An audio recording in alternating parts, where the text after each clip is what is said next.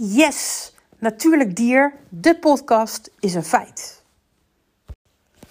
In de komende podcast van Natuurlijk Dier ga ik het gesprek aan met allerlei interessante mensen. Die allemaal bijdragen aan de verbetering van gezondheid en welzijn van jouw kat, hond of paard. En dat allemaal gezien vanuit de veterinaire natuurgeneeskunde. Dit alles om jou te inspireren en jou van nog meer kennis over gezondheid en welzijn te voorzien, zodat jouw dier zowel mentaal, fysiek als energetisch in balans komt of blijft. Het motto voor dit jaar is: alle dieren gezond in 2020.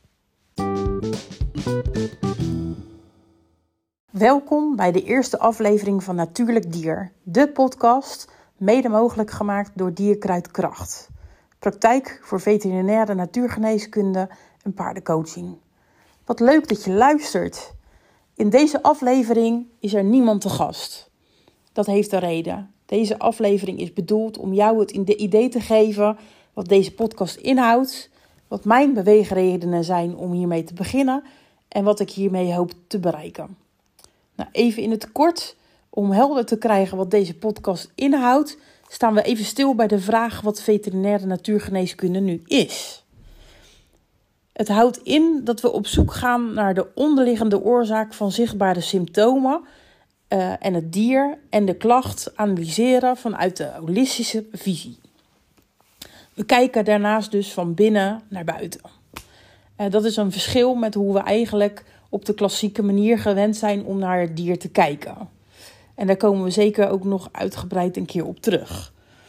Um, wat, wat betekent het nou eigenlijk verder? Nou, als we naar een dier kijken vanuit de veterinaire natuurgeneeskunde, vanuit de holistische visie, kijken we onder andere naar de geschiedenis, de medische tijdlijn, uh, de huisvesting, voeding, arbeid. Nou, eigenlijk dus alles wat er aan aspecten rondom het dier speelt.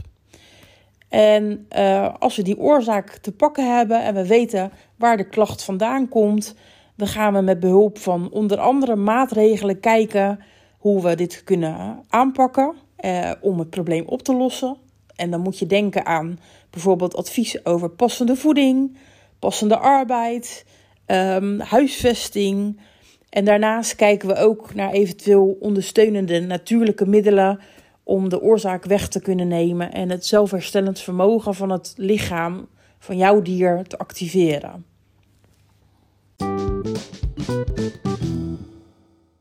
Oké, we hebben heel kort even uitgelegd wat natuurgeneeskunde is. We gaan daar zeker nog uitgebreid op terugkomen.